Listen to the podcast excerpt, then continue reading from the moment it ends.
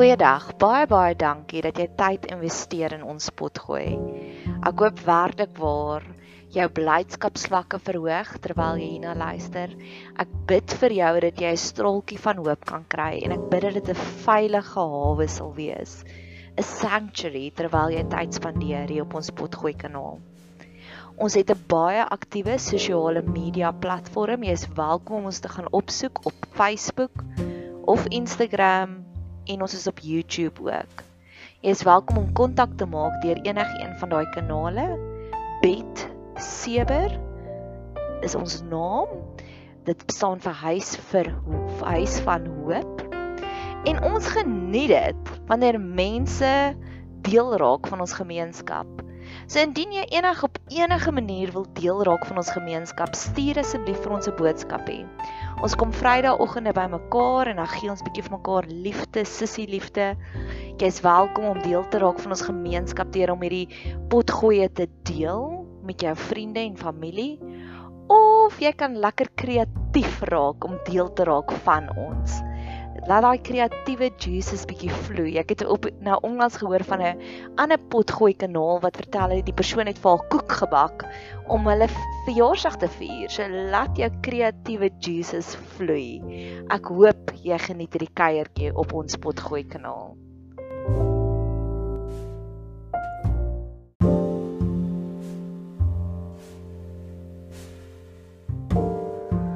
Mag ons maar vergelyk. So hierdie is een van my analises, gebede, reflektering wat ek voor die Here se voete wil gaan neerlê om te sê Here help my asseblief. Mag ek maar vergelyk want vir jare lank sal mense vir my sê en hulle doen nou nog maar ek steur my letterlik nie meer daarin nie om te sê ag Nadia, moenie alles so oor analyse nie. Moenie deur die lewe na die vergrootglas kyk nie. Totdat die lewe, totdat die Here my omring het met ander mense wat die lewe oor analyse, wat diep na die lewe kyk en hulle is my favourite mense. Hulle is die tipe mense in wie ek wil groei en ontwikkel. En my een vriendin het nou reg vir my gesê, Sy dink mense wat nie oor analyse nie mis so groot uit van die lewe. So vir jare lank het ek vir myself amper so oor die vingers getik. Ek het amper gevoel soos 'n katoliek wat hulle self so met 'n laaitjie slaan op die reg van as ek iets sal oor analyse. Nee Nadia, moenie. Los, los die oue analyse. Totdat ek die slimste mense ontmoet het, totdat ek totdat die Here vir my voorlopers gegee het wat vir my gewys het dis hoe iemand lyk like wat oor analyse en dis hoe gesond hulle is. Hulle is ver genoeg met die lewe. Ek maak nou hier 'n nota want ek dink ek moet sommer 'n ver genoeg studie ook doen. Dis mense wat content is met hulle lewe. So nou staan ek weer voor 'n kruispunt en ek sê Here, dankie dat U my geleer het van die beauty en die diepte en die skatte van over analyzing En dankie dat ek nie meer mense gaan probeer verander nie. So as iemand my nou nog sê hou op oue analyse, dan bid ek Here wys vir hulle die beauty van oue analysing. Maar nou staan ek weer voor 'n kruispunt. Mag ek vergelyk? Wanneer dit keer op keer gebeur, ek het twee verskillende, ek het 'n noordster en 'n suidster, 'n noordpool en 'n suidpool troues gehad in die afgelope week en dit was heeltemal verskillend. En ek sal keer op keer en dankie tog die Here het eers maar die perfekte een gegee en toe die ander een. en in elk geval ek sal keer op keer van mense sê ek weet ek mag nie vergelyk nie, maar by die eerste bruilof het hulle dit gedoen en dit was spesiaal. Totdat ek myself voorsê dit die sewende keer Toe dink ek myself Nadia, is dit nie negoleen, soos moenie oue analyse dat jy nie met vergelyk nie. So ek wil graag die balans vind want die eerste ding wat ek wel wil sê hier is 'n diep belydenis. Ek is baie lief vir my ma gewees en ek seker nog steeds lief vir haar. En ek kan nie wag om haar eendag in die hemel te ontmoet nie.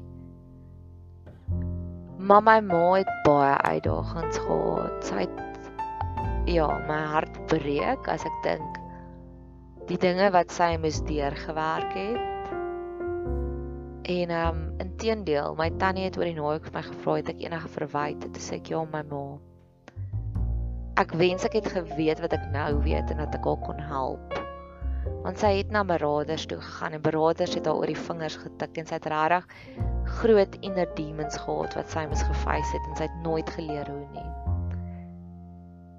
En een van die resultate is wanneer 'n mens soveel monsters binne in jou het wat teen jou veg dat dit wat Jesus sê waar die hart van vol is loop die mond van oor. Laat sy het baie keer dinge gesê wat seer gemaak het. En ek wil nooit soos dit wees nie. Also ek wil eers van alles sê, Here, hier is ons die boundary. Want die een ding wat my ma baie keer vir my gesê het, is sy sê vir my gesê het, Ek wens jy was meer soos doetjie doetjie doetjie. En ek weet sy het my op haar eie manier probeer boost, probeer motiveer want sy wou die beste vir my gehad het. Maar wat ek gehoor het is jy's nie goed genoeg nie. Ek vergelyk jou met jou vriendin en ek sê jy's nie goed genoeg nie. En ek dink dit is wat sy bedoel het nie. Ek dink sy het eintlik net bedoel sy wil die beste vir my hê, maar ek wil nooit daai tipe van persoon wees nie. Ek wil nooit skade doen aan enigiets nie. So dis my heel eerste punt van mag ons vergelyk, maar ek wil nooit iemand so laat voel soos jong Nadia gevoel het nie. Maar aan die ander kant, dink ek ons mag vergelyk. So letterlik ek weet nie, hierdie is 'n gebed. En ek gaan vir jou lees waar word daar vergelyk en ek love dit. Psalm 1. Welgeluk salig is die wat nie wandel in die raad van die goddelose en nie staan op die weg van die sondaars nie en nie sit in die kring van die spotters nie. Maar sy behaag in die wet van die Here en hy oordink sy wet dag en nag. En hy sal wees soos 'n boom wat geplant is by waterstrome wat sy vrugte gee op sy tyd en waarvan die blare nie verwelk nie en alles wat hy doen, voer hy voer voer hy voorspoedig uit. So is die goddelose mense nie, maar so skaf wat die wind verstrooi. Daarom sal die goddelose nie bestaan in die oordeel en die sondaars in die vergadering van die regverdiges nie. Want die Here ken die weg van die regverdiges, maar die weg van die goddelose sal vergaan so die psalms vergelyk. Die psalm sê hier is 'n goeie paadjie en hier is 'n slegte paadjie. En ek dink dis waarna ek eintlik op soek is. Ek wil die waarheid en die opregtheid wil ek meer celebrate. Die een bruilof was so uniek en dit was so authentic en Ek het al weggestap en my liefdestentjie was gevul nadat ek die bruilof aanskou het, want daar was soveel liefde tussen hierdie bruidspaar dat dit oorgesypel op al die gaste. En ek het meer geliefd wakker geword die volgende oggend as voor die bruilof. Want as ons 'n rappie wedstryd kyk, kan ons nie help om op te spring en te cheer. Jy! Ons is so bly en ons gee vir mekaar drukkies as hulle 3 aangeteken het nie. En dis hoekom ons rappie wedstryde kyk want hulle joy speel af op ons. En ek glo dis hoekom ons na 'n lief na bruilof gaan. Dis hoekom ons onsself mooi maak. Dis hoekom ons onsself tyd uit ons dagboek uitboek. Dis hoekom ons geskenke vat van dankbaarheid om sê dankie want julle liefde het my liefdestentjie verhoog. En nog 'n plek waar daar ook gevergelyk word is Paulus. So dis nie net 'n Ou Testamentiese ding nie. Dis 'n Nuwe Testamentiese ding ook want ons dink altyd, "Ag, oh, ons is Nuwe Testamenties. Ons moet mekaar lief hê met die liefde van Christus en ons moet vir almal lief wees en ons kan vir almal lief wees, maar ons kan ook mense se foute raak sien want Paulus was super krities. Super. Hoor wat sê hy? Romeine 1 vers 28 En omdat hulle dit nie die moeite werd geag het om God in erkenning te hou nie, het God hulle oorgegee aan 'n slegte gesindheid om te doen wat nie betaam nie. Hulle is vervul met allerlei ongeregtigheid, hoerery, boosheid, hebsug, ondeug, volnydigheid, moed. Hallo. Paulus was 'n godsman. hy loop en deel al die labels uit van jy's 'n hoereerder en jy's vol neidigheid en jy's vol hepsig trotsaards, geweldenaars, uitvinders van slegte dinge.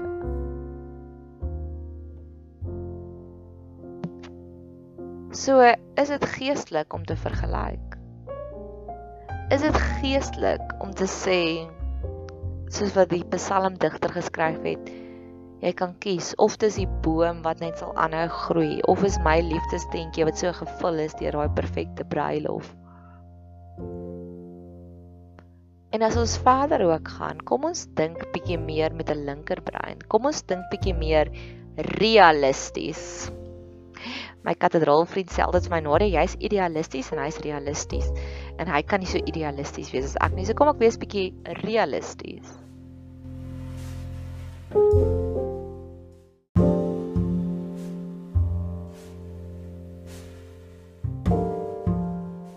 Ons lewe nou in die tyd van 'n pandemie. En ons baie wetenskaplike navorsing wat gedoen word met die inentings ek neem aan al die farmaseutiese maatskappye het dit al reeds gedoen in laboratoriums. Maar selfs nou hier in Suid-Afrika, wanneer jy van iemand hoor wat die heel eerste inentings gekry het, my skoonsussie het my die storie vertel. Sy is 'n eetkundige en ek loof en ek prys die Here dat hy haar veilig en beskermd gehou het deur die hele pandemie. Sy het vandag 1 af het sy sy was nooit in 'n lockdown nie sy het ingery hospitaal toe sy het vir mense gaan die eetplanne uitwerk in die COVID sale en sy is gesond. En sy vertel toe sy ingegaan het vir die inenting, toe moes sy vir 2 ure daar bly sit want elke 10 minute het hulle haar liggaamstemperatuur kom kontroleer, het haar bloeddruk kom kontroleer. En is dit nie hoe ons by nuwe genesingsmetodes gaan uitkom nie? Deur om te vergelyk want ek weet ook wanneer hulle 'n nuwe middel beskikbaar stel, dan sal hulle vir die kontrolegroep 'n placebo effek gee en hulle sal vir die ander groep die regte medikasie gee en kyk hoe verskil hulle. Hulle vergelyk die verskillende genesingsmetodes. En is dit dalk 'n leuen van die duiwel af om te sê moenie vergelyk nie? Want dit hou ons in onkunde. Dit hou ons ignorant. Want die oomblik wanneer ons vergelyk om te sê en dit voel vir my soos goue lokkies se pap wat ons eet. Hierdie pap is te sout, hierdie pap is te koud, hierdie pap is net reg. Ek het al baie keer gehoor van die Jezebel gees wat dit love om ons te hou dat ons gecompromised voel, dat ons nie voel ons lewe ons volle potensiaal uit nie. Ons compromise maar op dinge en ek glo dis om deur te vergelyk, deur om stoktyk te maak, deur om klaagliedere in die Here se ore te sing wat ons uitkom by daai punt van genesing. Waar ons uitkom by daai punt van wow, kyk hoe amazing het God my lewe gemaak. So ja. My uiteinde is ek dink ons mag vergelyk. Ons mag sê hierdie bruilof was perfek en hierdie bruilof iets was af daar. Iets was af daar en dalk is dit iets wat af is want ek het nou ure gaan sit in journal van wat was af daar. En dalk is dit net omdat hulle hulle self nog moet ontdek en op die oomblik waar hulle self gaan ontdek kan ek dan saam met hulle celebrate. So dis nie 'n slegte ding nie. Dalk is dit 'n opkrete. Maar ek glo dit kom eers ons kom eers by daai punt van hierdie is hulpkrete wanneer ons begin vergelyk. So ek glo ek gaan ophou vir myself te sê Nadia hou op vergelyk of ek mag nie vergelyk nie. Mag jy 'n geseënde dag hê verder.